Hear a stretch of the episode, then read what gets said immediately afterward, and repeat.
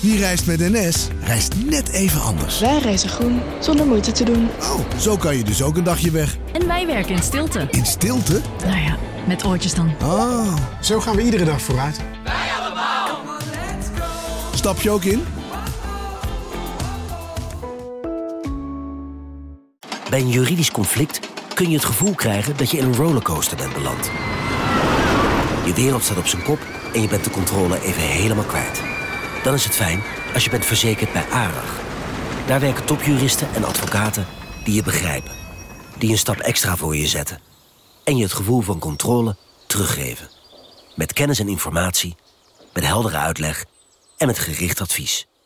ARAG, juridisch probleemoplossers.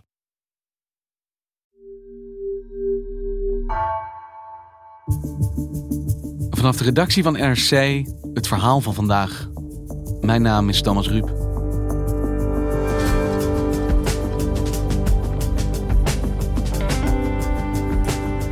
Een frisse wind was hij, een hervormer. Hij werd beloond met de Nobelprijs voor de Vrede. Maar vrede is op dit moment ver te zoeken in het Ethiopië van premier Abiy Ahmed. Gewelddadig conflict bedreigt nu niet alleen zijn land, ziet correspondent Koert Lindeyer, maar de gehele hoorn van Afrika. Is de vredesdroom van Abiy Ahmed vervlogen?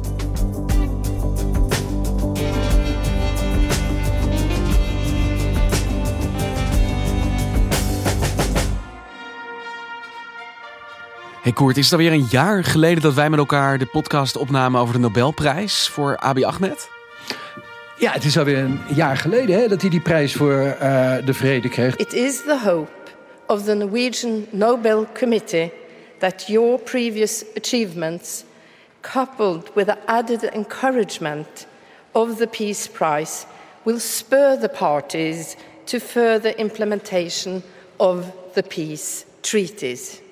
Hij kwam in 2018 aan de macht met een uiterst frisse wind, met veel hoop dat hij het anders zou kunnen doen dan al zijn voorgangers. En dat was hem er vooral op gebaseerd dat hij het land opengooide, economisch, politiek en vrede begon te zoeken in de regio.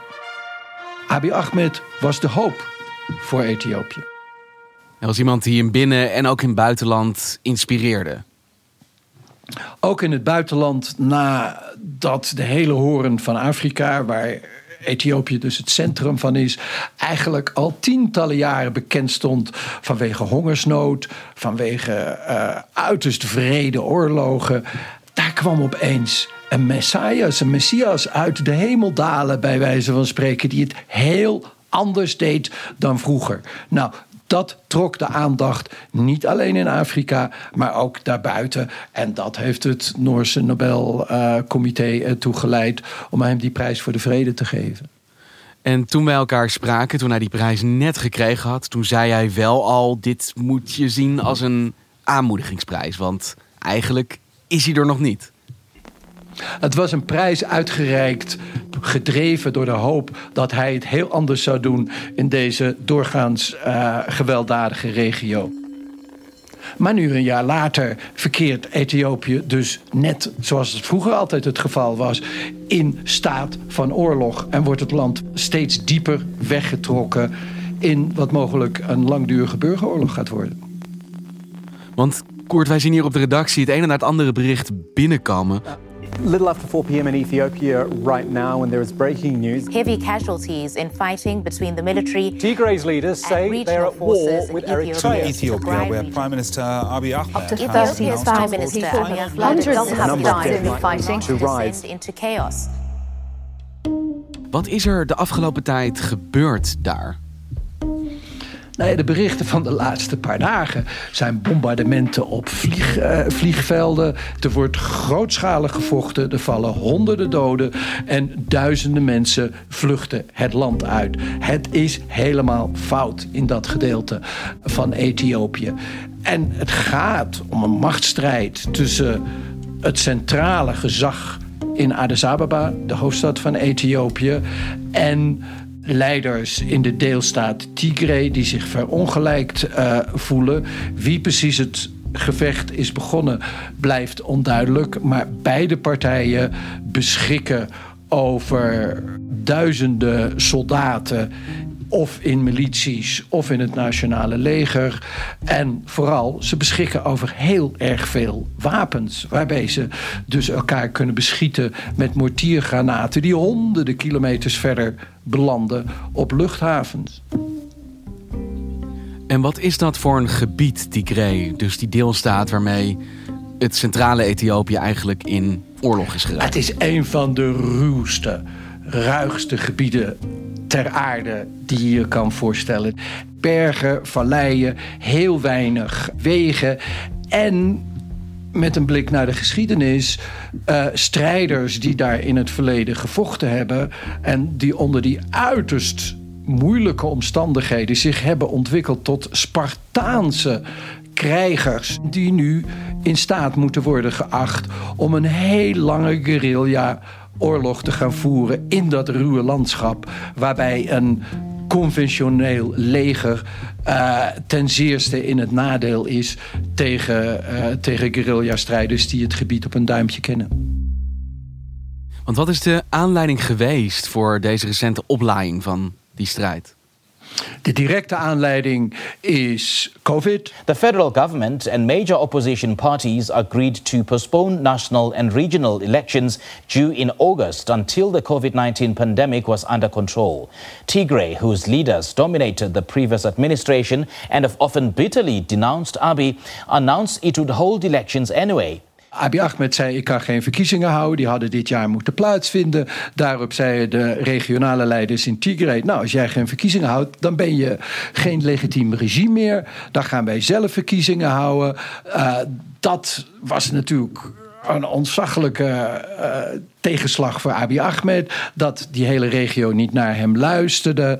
En daarmee is de escalatie begonnen. En is Ethiopië dus op dit moment eigenlijk een land in burgeroorlog? Ja, dan moet je maar voor naar het woordenboek kijken wanneer een oorlog is begonnen of wanneer die. Uh, ik, ik weet het niet wat de term is. Wanneer er 25.000 dit is de teller van dit moment, mensen naar Soudaan zijn gevlucht. Wanneer luchthavens worden beschoten, wanneer er sprake is van honderden doden, kan je tenminste spreken van een oorlog. De burgeroorlog is misschien dan begonnen, en we, zijn, we staan op het randje, wanneer andere bevolkingsgroepen zich in dit conflict tussen de centrale overheid en de overheid van Tigray gaan mengen. En dan kan je van een etnisch, grootschalig etnisch conflict, dus een burgeroorlog spreken. Vraag je toch af, Koert, hoe het zo fout heeft kunnen gaan met een premier die een jaar geleden nog de Nobelprijs voor de Vrede kreeg?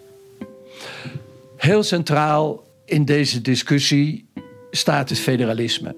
Ethiopië bestaat uit tien deelstaten. Dat is een bestuursmodel ingevoerd door de voormalige machthebbers in 1991 aan de macht gekomen. Dat is het model geweest van de afgelopen tijd. Abiy Ahmed wil dat bij de vuilnisbak zetten, dat uh, model. Hij zegt dat is primitief, we zijn Ethiopiërs, we horen allemaal bij elkaar en dat etnische federalisme heeft ons verdeeld. Want die soort autonomie die er was voor de deelstaten... waar Abiy Ahmed dus eigenlijk een einde aan wil maken... hoe ziet die eruit? Nou, in ieder geval zo dat de deelstaten dus zelf...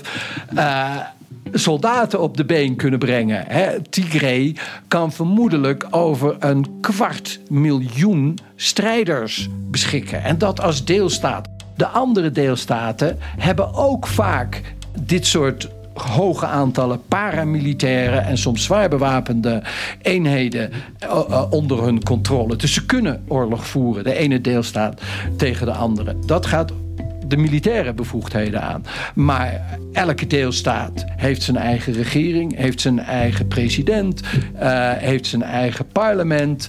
En, en wordt alleen in de lokale taal gesproken. En in die deelstaten mogen ook alleen mensen van die etnische groep zonder problemen uh, een business opzetten. Dus het is heel vergaand, dit uh, federalisme. Destijds ingevoerd om het uiteenvallen van Ethiopië te voorkomen. Nu het instrument waardoor Ethiopië dreigt uiteen te vallen. Ja, dus je kan zeggen dat is een enorm inspirerende ambitie geweest van Abiy Ahmed om het onmogelijke te doen, dat hier samen te voegen. Maar ook dus een hele riskante Abiy Ahmed is door een coup binnen de toenmalige regeringspartij aan de macht gekomen. Hij heeft nooit nationale verkiezingen gewonnen. Daarom was dat moment van de verkiezingen, die in augustus jongsleden hadden moeten plaatsvinden, zo belangrijk. Had hij die massaal gewonnen, dan had hij dat gezien als een mandaat om het Ethiopische etnische federalisme uh, bij de vuilnisbak te zetten. Nu die verkiezingen niet hebben plaatsgevonden, heeft hij natuurlijk daarmee een argument gegeven aan al zijn tegenstanders van jij bent niet legitiem, we luisteren niet meer naar je en jouw streven om het federalisme uh, af te schaffen, ja, dat is jouw streven, maar je hebt niet het mandaat om dat ook werkelijk uh, te doen. Kijk, Abiy Ahmed trof een bestuur aan gedomineerd door de Tigreërs. In de economie, in de politiek, in de geheime dienst en in het leger. En hij is vrij voortvarend te werk gegaan door deze mensen uh, te ontslaan op centrale posities. Soms zelfs gearresteerd, in de gevangenis gezet. Nou, wat was daar de reactie van de Tigreërs op? Die zijn allemaal, vooral die prominente uh, mensen, die zijn teruggevlucht naar Tigray. De deelstaat Tigray weigerde hen uit te leveren aan uh, Abiy Ahmed in Addis Ababa. En deze dus uit de macht gezette prominente Tigrayers, onder wie de leider van de regio Tigray, uh, die hebben niet alleen een appeltje te schillen met uh, Abiy Ahmed. Zij voeren dit beleid. Zij voeren de huidige militaire campagne aan tegen het leger van Abiy Ahmed. Want heeft hij zich volledig misrekend over wat er mogelijk was in zijn eigen land? Zijn intenties en de hoop die hij heeft gegenereerd, dat is absoluut een feit. Maar Ethiopië is altijd op een autoritaire manier bestuurd. Zoals een Ethiopische diplomaat onlangs tegen mij zei: Wij Ethiopiërs houden er eigenlijk niet van om naar andermans mening te luisteren. Er is maar één mening. En onder de vorige regimes was de enige mening de overheid.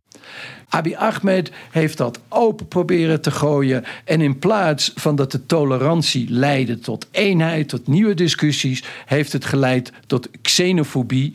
En dat monster weet Abiy Ahmed nu niet onder controle te houden.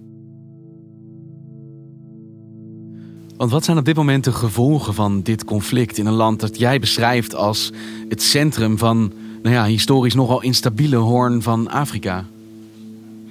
Nou ja, in Tigray in ieder geval, daar komt niets meer binnen aan, aan voedsel. En dat gaat niet alleen om veel vluchtelingen uit uh, Eritrea, die er al jarenlang zitten. Die kunnen dus niet meer uh, gevoed worden. Er zitten zelfs toeristen zitten er vast die er niet meer uit kunnen. Er is een absolute blokkade van uh, de, de regio Tigray. Dus er wordt een groot risico genomen door de centrale overheid dat dat tot een humanitaire ramp leidt. Amnesty International is calling it a horrific tragedy. Scores and possibly hundreds of civilians have been stabbed and hacked to death in the northern Ethiopian region of Tigray. The victims are thought to be day laborers not involved in the conflict. Dus behalve dat je de regio economisch probeert af te knijpen, laat je ook etnische sentimenten de vrije loop gaan, waardoor de Tigreërs de Amharen gaan aanvallen in grensgebieden en vice versa. En dat dit leidt tot uiterst, uiterst uh, smerige uh, praktijken die veel erger zijn dan een oorlog tussen twee, uh, twee strijdmachten. Want is hier de vrees dat brand in dit ene gebied gaat leiden tot een hele regio die in oorlog komt? Het meest gevaarlijke, denk ik, wat je op dit moment ziet, zijn twee, uh, twee plaatsen. Dat is ten eerste de grens tussen de Amhara-regio en de Tigray-regio. Daar wordt veel gevochten. Daar worden bloedbaden gemeld door milities en bevolkingsgroepen die elkaar uh, uit, uitmoorden. Dat zijn oude vetes tussen de Tigrayers en de Amharen die daar worden vereffend. Dat is een, een conflictgebied. En de grens Eritrea en Ethiopië. Er zijn al vele berichten dat Eritrea zich gemengd heeft in het conflict aan de kant van Abiy Ahmed. Maar ook daar oude vetes tussen de Tigreërs en de Eritreërs die honderden jaren teruggaan. Hè, die zelfs tot Aksum teruggaan, de koning, koning Salomo in, in de Bijbel. Dit zijn allemaal ontzaglijk historische conflicten. En dat speelt ook in de hoofden van de mensen. Maar ook tussen Tigray en de Eritreërs zijn nog veel appeltjes te schillen. En ik denk dat dat, zo het niet al gebeurd is, uh, dreigt te gaan gebeuren in de komende paar dagen. Dat dit uh, ontspoort in een internationaal conflict. Kijk op de landkaart. Je hebt het meest oosten heb je Somalië. Dat weet je. Dat zit al uh, 30 jaar uh, in, in problemen. Dan hebben we Ethiopië daartussenin, in de, in de bergen. En dan heb je weer in het laagland heb je, uh, de Soedanezen, Djibouti, Eritrea. En nog eens een keertje aan de andere kant van de Rode Zee, Jemen. Het is al een conflictgebied. En als dan die vlam gaat overslaan, ja, dan krijg je natuurlijk een gigantische ontploffing. En is dit een oorlog die Abiy Ahmed nog kan winnen? Nou, dat is natuurlijk de reden waarom er zo'n grote bezorgdheid bestaat binnen Afrika en daarbuiten. Omdat iedereen denkt dat die Tigrese strijders, die vanaf 1975 tot 1991 oorlog voerden, die zo gehard zijn in de strijd uh, door die oorlog, uh, de, die toenmalige oorlog, dat deze jongens, dat het nog in hun, hun karakter ligt, nog in hun levenservaring om concessies te doen. Dan moeten we nog maar 15 jaar naar de bush om te gaan vechten. Dat eergevoel brengt mensen ertoe dat waar jij misschien denkt van oorlog is verschrikkelijk, dat zij denken oorlog is er nu dan gewoon nodig. Dat hoort erbij. Dat hoort bij het leven. Dan krijgt zo'n Nobelprijs toch wel een enigszins wrange glans, denk ik. Ja, je weet dat het ook bij andere mensen is gebeurd die deze prijs hebben gekregen. Als je het doet als aanmoedigingsprijs, dan weet je niet wat die aanmoediging precies teweeg brengt. Ik denk dat deze aanmoediging teweeg heeft gebracht dat Abiy Ahmed zich nu uiterst verzekerd voelt dat hij zo'n oorlog kan beginnen. Dus zijn vredesprijs heeft hem ertoe gebracht zou je, als je cynisch willen zijn, ertoe gebracht om oorlog te gaan voeren. De prijs voor de vrede legitimiseert op dit moment geweld.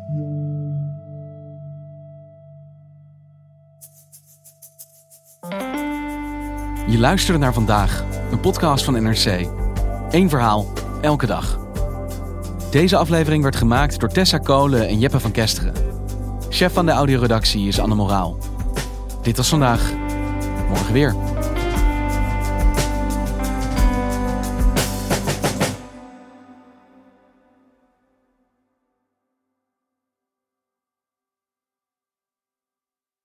Je hebt aardig wat vermogen opgebouwd. En daar zit je dan, met je ton op de bank. Wel een beetje saai, hè? Wil jij, als belegger, onderdeel zijn van het verleden of van de toekomst? Bridgefund is een slimme fintech die een brug slaat tussen de financiële behoeften van ondernemers en van beleggers. Dus wie belegt bij Bridgefund krijgt niet alleen een mooie vaste rente, maar brengt ook ondernemers in beweging. Echt waar! Met die ton kan je zoveel betere dingen doen. Bridgefund. Make money smile.